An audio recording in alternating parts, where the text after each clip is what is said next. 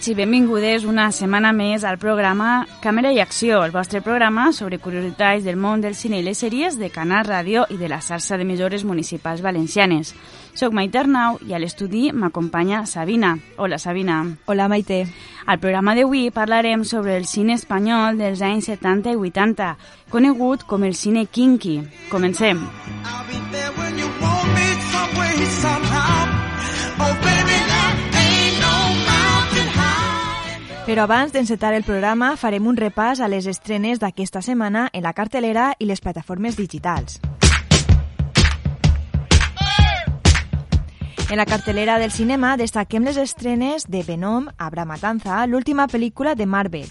Aquesta seqüela conta com Eddie Brock i el seu simbiot Demon encara que es, encara estan intentant descobrir com viure junts quan un pres que està en el corredor de la mort s'infecta amb un simbiòtic propi. També s'estrena la pel·lícula seleccionada per Espanya per als Oscars, El buen patrón, protagonitzada per Javier Bardem. Blanco, un carismàtic propietari d'una empresa que fabrica balances industrials en una ciutat espanyola de província, espera la imminent visita d'una comissió que decidirà el seu destí i l'obtenció d'un premi local a l'excel·lència empresarial. Tot ha d'estar perfecte per a la visita. No obstant això, tot sembla conspirar contra ell. Des de Suècia trobem la cinta Pleasure. La jove Jessica deixa darrere la seva vida en un poble suec per anar a Los Angeles i convertir-se en la pròxima gran estrella porno. El camí cap al seu objectiu serà més accidentat del que havia imaginat. Des de Xina s'estrena la pel·lícula Un Segundo, un convicte és enviat a un camp de treball en el desolat nord-est de la Xina durant la revolució cultural del país, utilitzant el seu enginy amb l'única fi de veure la seva filla, que ha sigut filmada en una pel·lícula, aconseguir escapar i fuig en direcció al cinema d'un poble pròxim. Allí espera trobar la cinta de la pel·lícula i fer-se amb ella. No obstant això, en aquest joc es creua amb un rodamont desesperada per aconseguir el mateix rodet de la pel·lícula. I en quant a animació, s'estrena Dos col·legues i la gran bèstia. La vida en el túnel va bé per a Nusden i Lupsden. Allí tenen una vida plena de cançons, torrades amb mermelada i bromes, però un dia arriba allí una conductora de tren amb una carta de desallotjament. Els túnels són per als trens, no per a persones, i tots han d'eixir d'allí immediatament.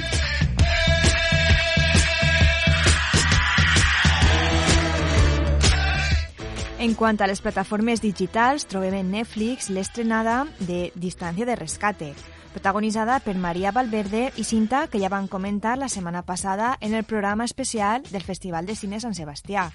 Una dona anomenada Amanda passa les vacances en un tranquil poble argentí amb la seva xiqueta eh, Nina.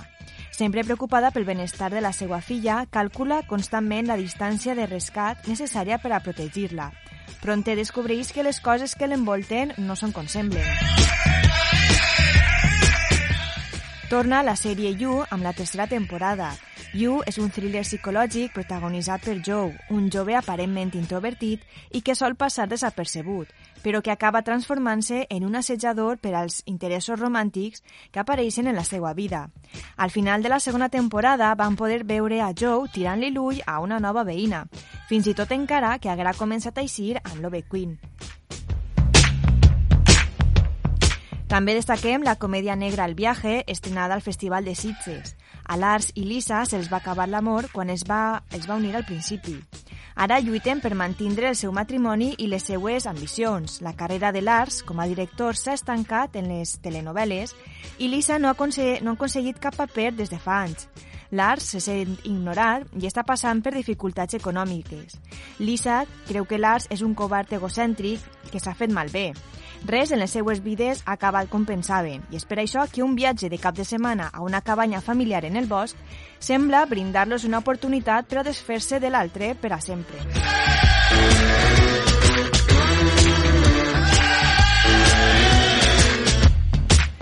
En la plataforma Disney Plus trobem la cinta Free Guy, protagonitzada per Ryan Reynolds.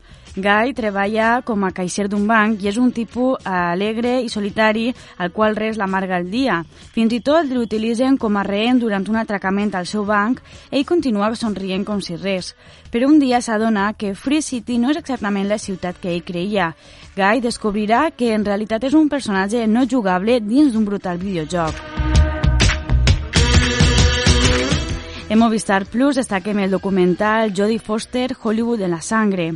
I en Amazon Prime destaquem la sèrie Sé lo que hicisteis el último verano.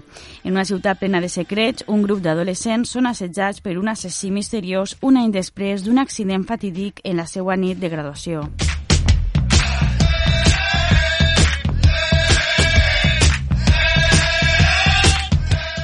Ara sí, comencem el programa sobre cine kinky. Vinga, comencem.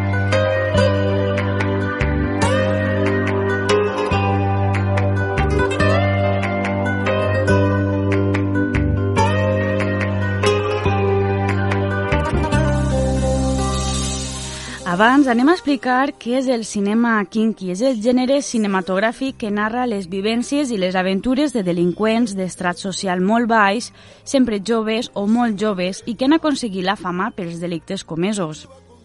És molt freqüent que en les pel·lícules de cinema kinky un delinqüent habitual es convertisca en actor i que s'interprete a si mateix o a un altre delinqüent, al qual coneix o ha conegut, pretenent donar-li així un major realisme a la cinta. Moltes d'aquestes pel·lícules són biogràfiques o pseudobiogràfiques, centrades en narrar la vida d'un determinat delinqüent, així com el seu entorn, les seues malifetes, la situació d'exclusió social patida, tortures patides en comissaria, etc. És comú presentar al delinqüent com un personatge noble, fidel, a uns determinats valors com la lleialtat grupal, l'amor a una determinada dona arrabassada a vegades a un clan o a un grup social rival, o la preocupació pel benestar de la seva família. El tema central del cinema kinky és la delinqüència i la marginalitat que l'envolta. Així es presenta com una cosa normal el món de la droga i tot el que suposa.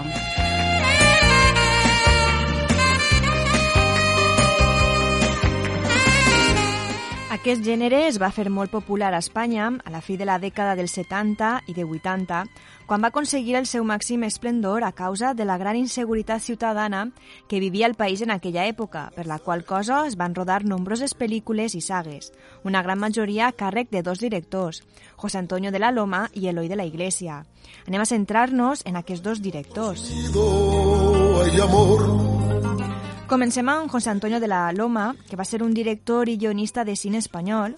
Va debutar al cinema en 1953 adaptant La hija del mar d'Àngel Guimerà.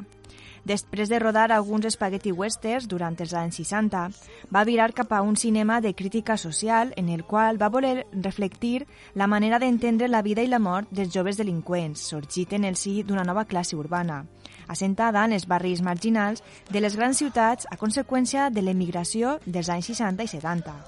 Va ser d'aquesta manera, com de la Loma, va iniciar el gènere cinematogràfic conegut com a cinema kinky. La seva primera pel·lícula d'aquest subgènere és Perros callejeros, de 1977, que després es convertiria en una saga formada per Perros callejeros 1 i 2, Los últimos golpes del torete y Perras callejeras.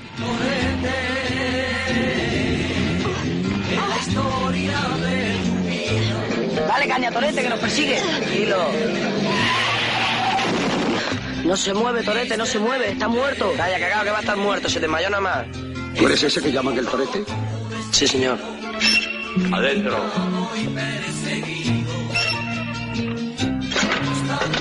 A mí me gusta estar suelto, andar por ahí, ser libre y no estar a golpe de pito. Y que serás mía, aunque le pese al mosque a tu tío y a quien sea. Que te quiero a mí solo y para siempre, por mi libertad. Un día, qué escopetilla tan maja. Tres más tenemos, una para cada uno. ¿Y munición? Apuñado. Dios, la que vamos a armar. Toma. A lo mejor llega para sacar a mi porro de la cárcel. Una colla d'adolescents que viuen en els suburbis de Barcelona s'han especialitzat en el robatori de cotxes.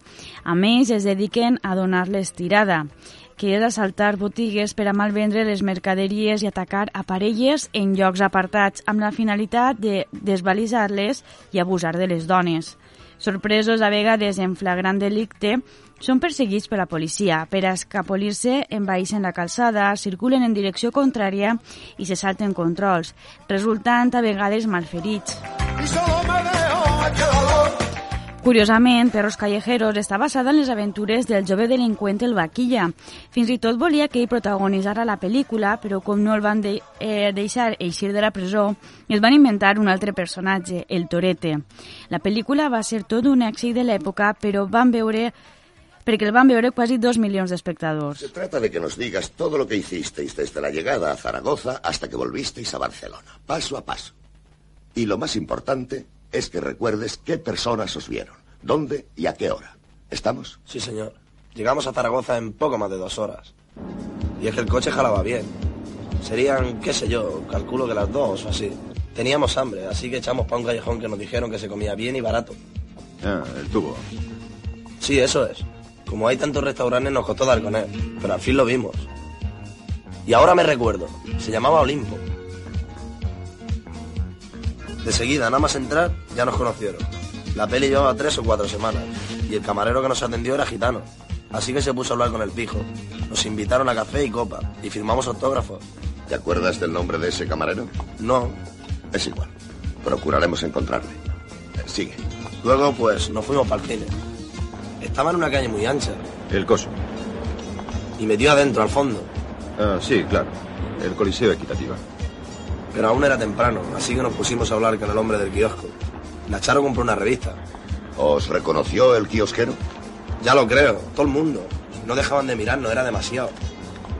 Como aún no habían abierto la taquilla, hacer tiempo nos fuimos a dar un paseo. La Charo tenía sed, así que nos sentamos en un bar de la plaza para beber algo. ¿Qué plaza? No sé, la más grande que hay. Allí donde se acaba la calle ancha. En estos títols van tindre cabuda com a intèrprets no professionals, adolescents de baixa extracció social, que en alguns casos no feien sinó interpretar les seues pròpies vides. Era el cas de Juan José Moreno Cuenca, l'actor de Yul Vaquilla, 1985, o Ángel Fernández Franco, protagonista de la saga Perros Callejeros. L'autèntic final de l'actriu en aquest cas professional de Sonia Martínez, protagonista de Perros Callejeras, tampoc dista molt del qual podia haver patit el seu personatge Berta. Desgraciadament, Àngel Fernández, el Torete, va morir de sida el 1991. Va ser considerat com un dels millors actors d'aquest subgènere cinematogràfic. El vaquilla a conseqüència de cirrosis quan estava en la presó als 42 anys i Sonia Martínez a causa del sida als 30 anys. Alegre bandolero, porque lo que gana Una altra cinta important, tant en la filmografia del director com l'impacte en la societat espanyola, va ser Yo el vaquilla de 1985. Soy Juan José Moreno Cuenca, aunque todos me llaman vaca o vaquilla. Ya lo ven, nací aquí a este otro lado de la sociedad y nunca pude o nunca supe pasar al otro. Ahora me he propuesto hacerlo y sé que no será fácil. Mi mayor enemigo ha sido siempre esa fama que me fue envolviendo desde niño hasta atarme de pies y manos. Hoy me piden que cuente mi vida de acuerdo, puede ser una oportunidad. Para mí, pues quizás acabe por conocerme. Para ustedes, tal vez empiecen a comprender quién diablos es ese sujeto del que tanto hablan sin saber por qué. El Vaquilla relata les aventures d'un famós delinqüent juvenil de Barcelona, Juan José Moreno Cuenca, alias el Vaquilla, qui és abandonat per la seva família res més nàixer. La mare no tarda a trobar un altre home i el xiquet ha de buscar-se la vida per si sol. Aquesta és la història d'aquest conegut delinqüent que va passar la major part de la seva vida tancat.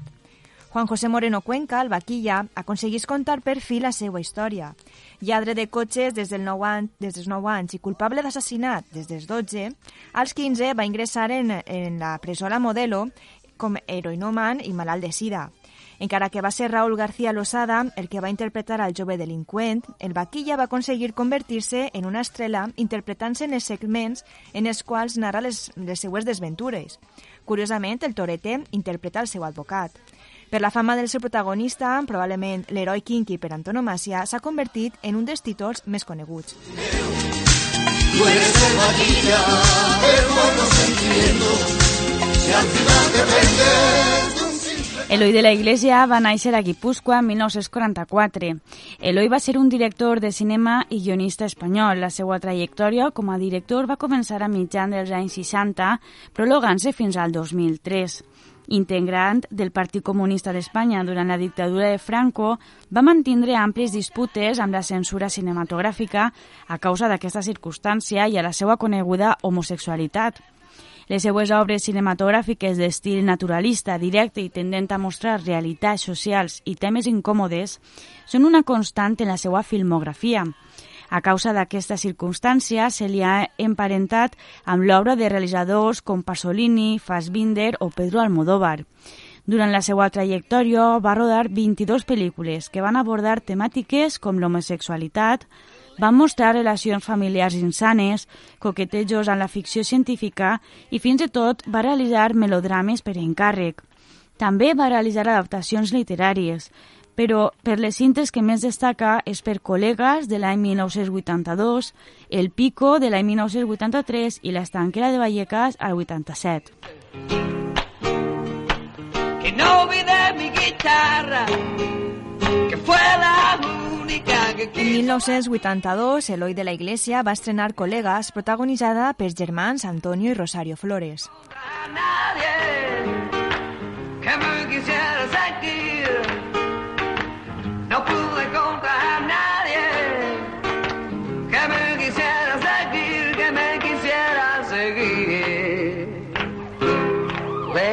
De aquí.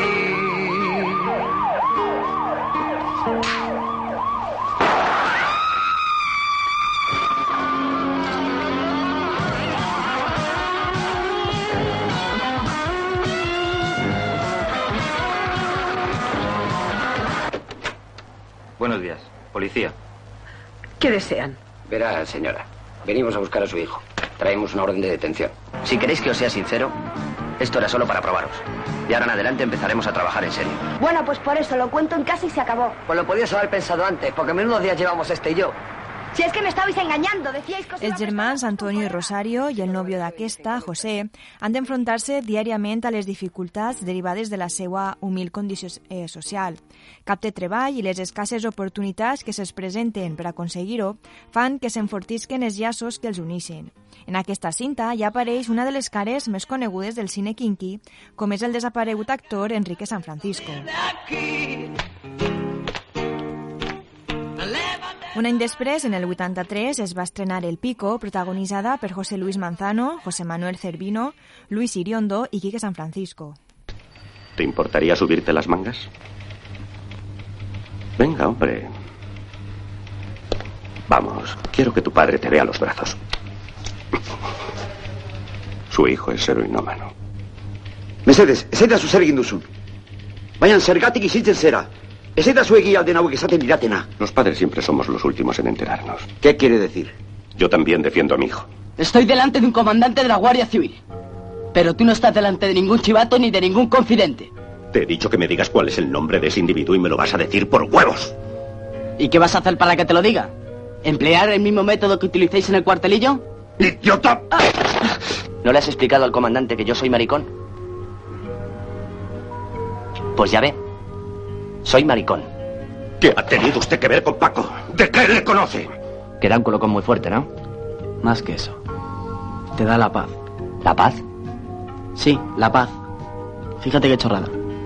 Esa paz de la que tanto hablan la encuentras de repente así. Esnifando un poco de polvo.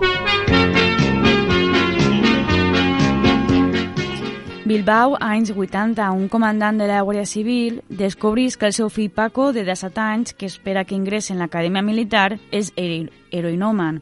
Urco, el millor amic de Paco i fill d'un dirigent a Berchale, també ho és. En un moment donat, Paco fuig de casa emportant-se una pistola del seu pare.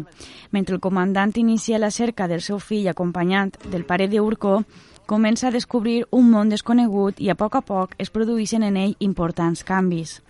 Les crítiques no es van fer esperar, a pesar que aquesta va ser una de les poques pel·lícules de l'època que es va ocupar d'aquest assumpte de tantes vides batallar. Primer amb les sobredosis i després amb la sida i posteriorment hepatitis C. Posteriorment, en 84 es va estrenar la segona part del Pico, que estructura com una continuació dels fets narrats, encara que sí que se centra en la vida de Paco, interpretat per José Luis Manzano, després de la mort del seu amic Urco per sobredosi. Aquesta pel·lícula presenta notables, notables diferències com el canvi de l'actor que encarna al pare de Paco, encarnat per José Manuel Cervino en la primera part i així per Fernando Guillem. A més a més, apareixen actors i actrius provenents del món de la comèdia, com són Gracita Morales, Guillermo Montesino, Rafael Aparicio o Agustín González.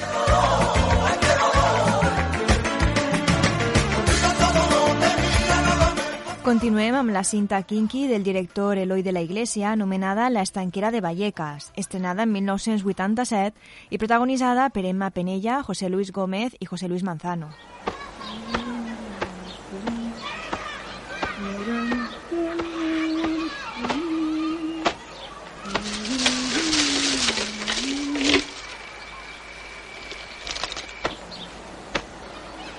¿Qué va a ser? Un paquete de fortuna.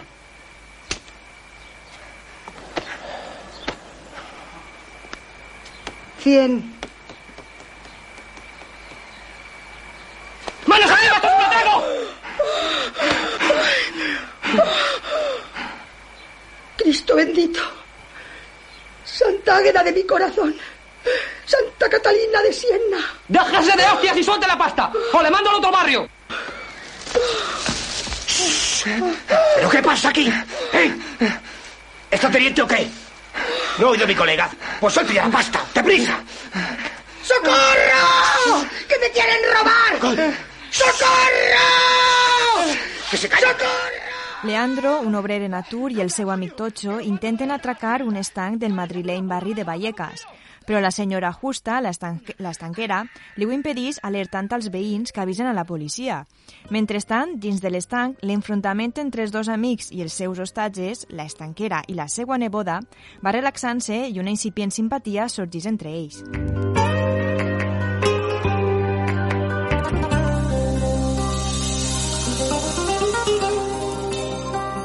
Si me das a elegir. Altres pel·lícules relacionades amb el cine kinky són De prisa, de prisa, del director Carlos Saura. És un trist retrat d'una generació que lluiten per a trobar un camí en un ambient de transformació i revolució social, el d'Espanya d'acabada d'eixir de 40 anys de dictadura i el seu pas cap a la democràcia.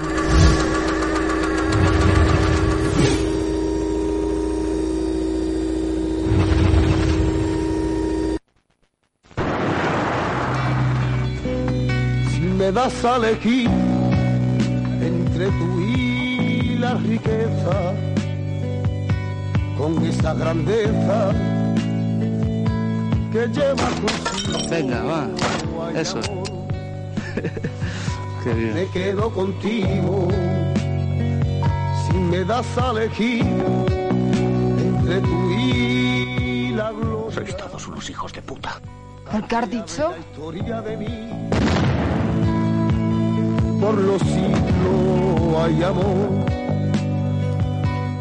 La pel·lícula va ser un èxit de crítica i públic guanyant l'Oso d'Oro en Berlín en 1981.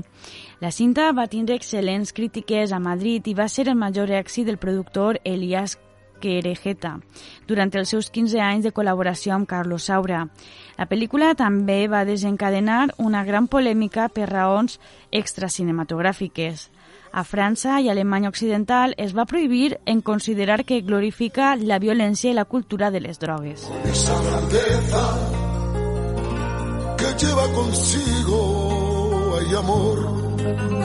També destaquem la cinta d'Almodóvar que he hecho yo para merecer esto.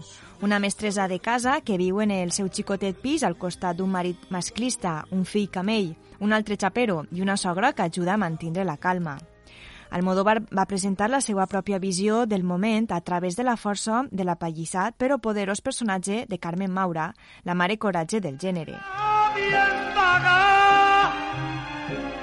porque tus besos compré y a mí te supiste dar. Te he dicho que me planches la camisa.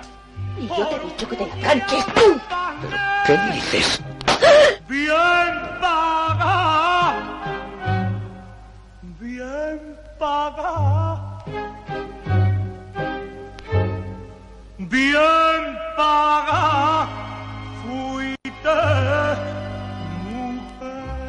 Aquesta cinta forma part d'una interessant col·lecció de pel·lícules de l'època que, sense entrar canònicament dins de l'epígraf cinema kinky, representen el mateix esperit des del punt de vista del seu director.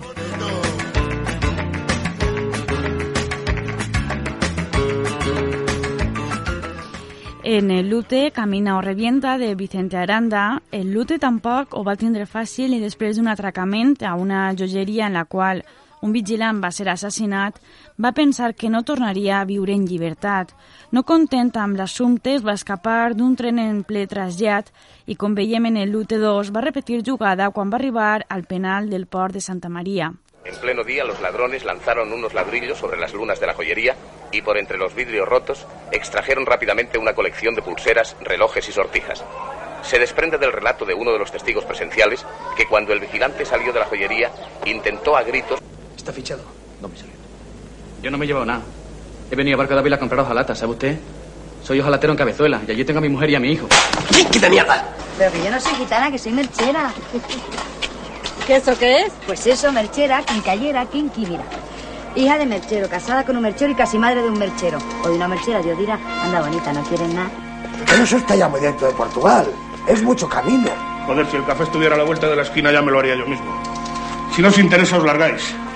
Hay 50 esperando. Vicente Aranda té la culpa que molts pensen que Imanol Arias quan es parla d'Euleterio Sánchez Rodríguez.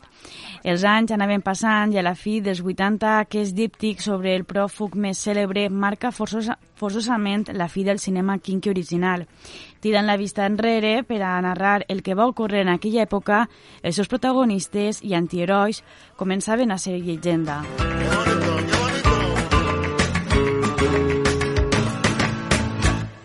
I fins així el programa dedicat al cinema kinky i els seus dos directors més importants, José Antonio de la Loma i Eloi de la Iglesia. Vos esperem la setmana que ve amb més informació i curiositats del món del cine i les sèries de Canal Ràdio, Ios FM i Ràdio Consentaina. Com a novetat, ens podeu seguir en Instagram amb el nom Càmera i Acció, on continuem parlant de curiositats del cinema i les sèries. Salutacions. Salutacions. No encuentro la razón, ay qué dolor, para dejar más sin ay qué dolor, aplicación, ay qué dolor.